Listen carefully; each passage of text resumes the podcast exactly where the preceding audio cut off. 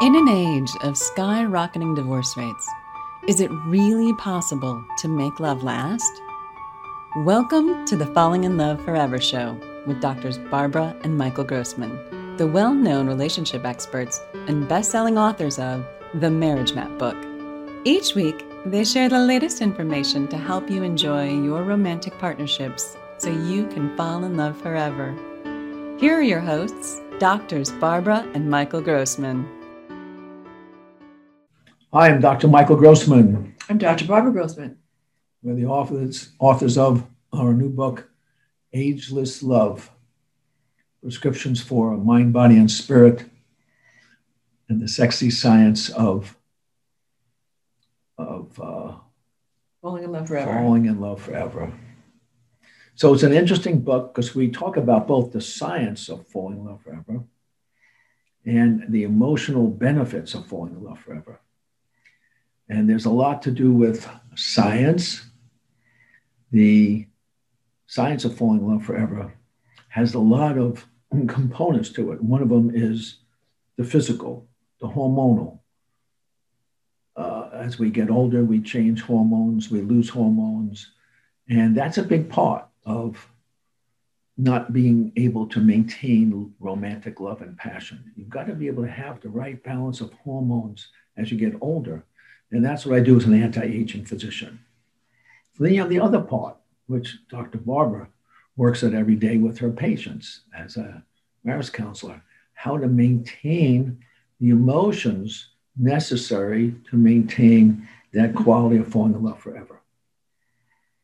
You want to add some thoughts about how you do that in terms of looking at the big picture of the of the the changes in um, in, in, in stages of life and how that affects falling in love or falling out of love.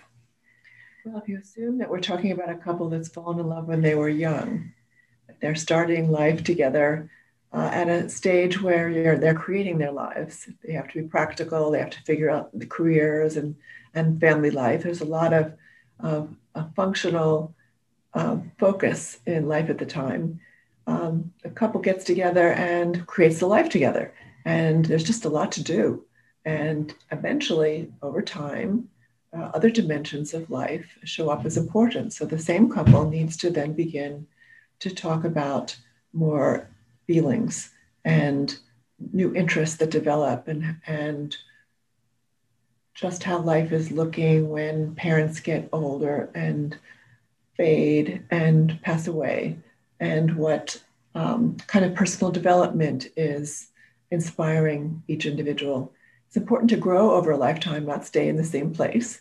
And as new needs and desires arise, it's it's important for the couple to learn how to talk to each other in a way that is open and um, intimate and not complaining, but sharing these new developments that are occurring inside and the new directions that may be interesting so they can invite, so you can invite your partner to join you or at least understand where you're going. So we can say that if a romantic partnership works things out in the beginning of their relationship and they find a way to be in love and it's wonderful and they are married for some five to 10 years, feeling in love, then over time things can change and things will change. It doesn't stay the same. So, whatever you've worked out when you're married the first five years or so is not going to be the same after 10 or 15 years of marriage. It's going to change. So you have kids. It's very different when the kids are little and when the kids start becoming teenagers. It's very different when you're 25 years old than when you're 35 or 40 in terms of how you feel about everything.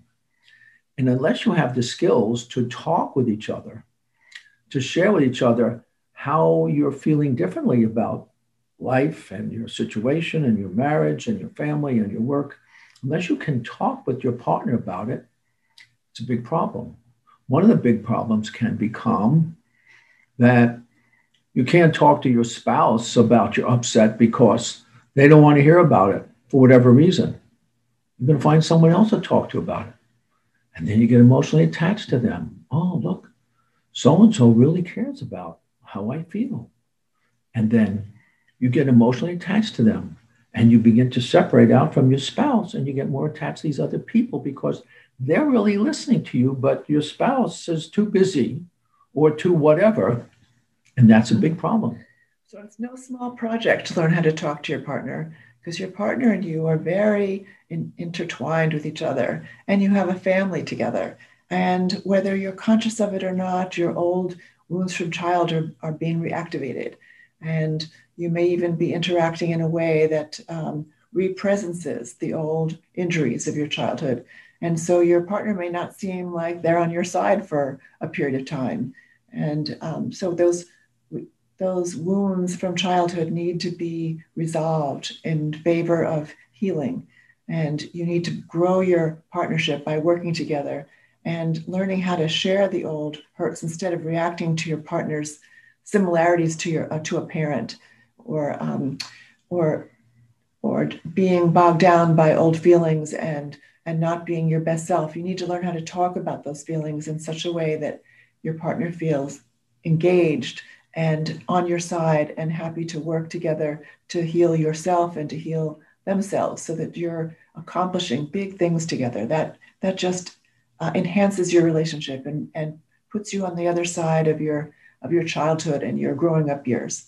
And then you can begin to develop beyond that together. But it's so important to learn how to talk about that uh, those deep feelings without sounding like you're blaming accusing or uh, just reacting uh, irrationally. And there's a quality of sharing deeply with your partner in which you share deeply, but you don't necessarily agree with each other. So, one of the peculiar things that I find with Barbara and I is that I love her more now than at any time in the past 50 years. But we don't agree on a lot of things.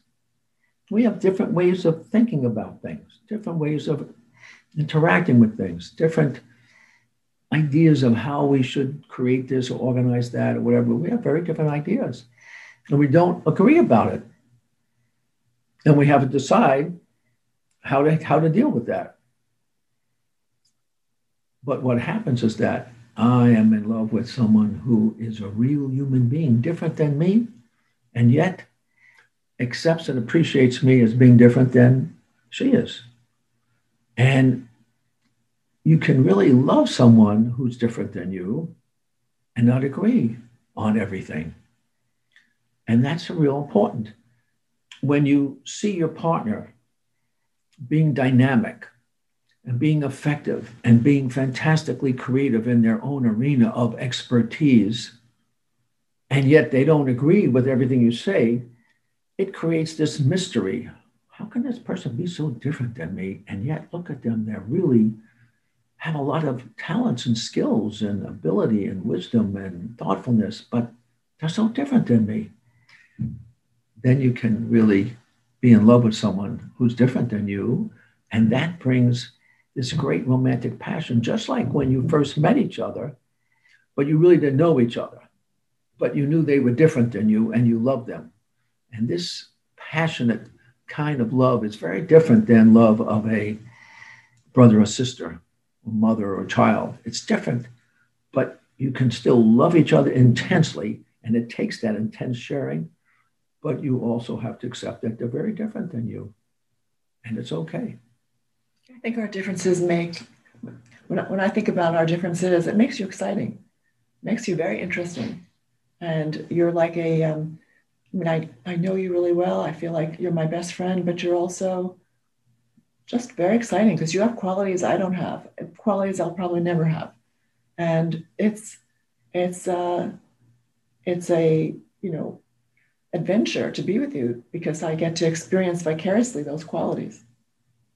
But the key is that when we share our differences, it's really it's reflective, it's it's inward, it's calm, it's um, thoughtful. It's not aggravated and angry and and blaming. And uh, I'm not expecting Michael to agree with me or ditto me.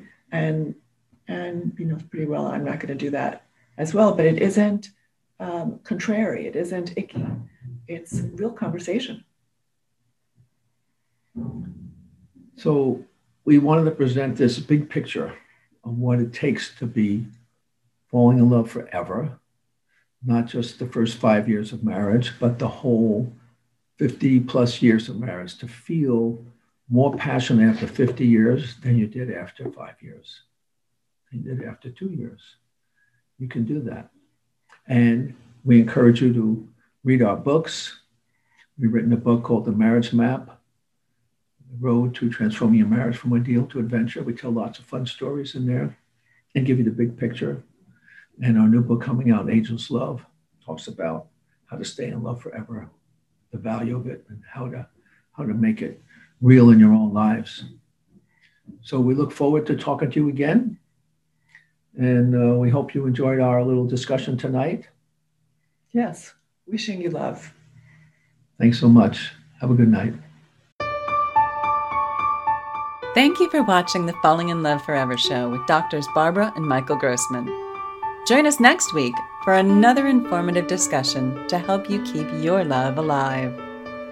Be sure to visit us at themarriagemap.com or find out about our relationship classes at fallinginloveforever.com.